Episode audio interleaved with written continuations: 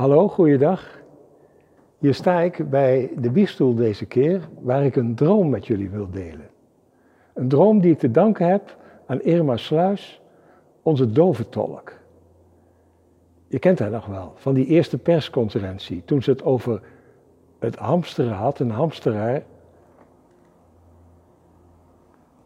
En dat we dat niet mochten doen. Dat beeld van die hamsteraar, dat greep mij, dat liet me niet los. En ik kreeg op de een of andere manier met zo'n hamsteraar te doen. Ik dacht, wat gaat er toch in godsnaam in zo iemand om? Je zal maar zo bang zijn dat je tekort komt. Dat je dat soort dingen gaat doen. En een paar dagen na die persconferentie, toen kreeg ik een droom.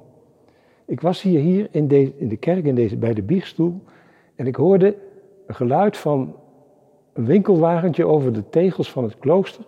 En ik zag een winkelwagentje dichterbij komen. Vol met allemaal spullen, toiletpapier, pasta, tissues, groenten, ik weet niet wat er allemaal in zat. Dat was een hamsteraar. Die had spijt. En die dacht, waar kan ik in godsnaam met mijn spullen, met mijn vuile was naartoe? En ze dacht, hij dacht, ik laat in het midden wat het, wie het was. Ik ga naar de kerk. Ja, dat was mijn droom. Misschien zegt die droom meer over mij dan over een hamsteraar. Want ik droom.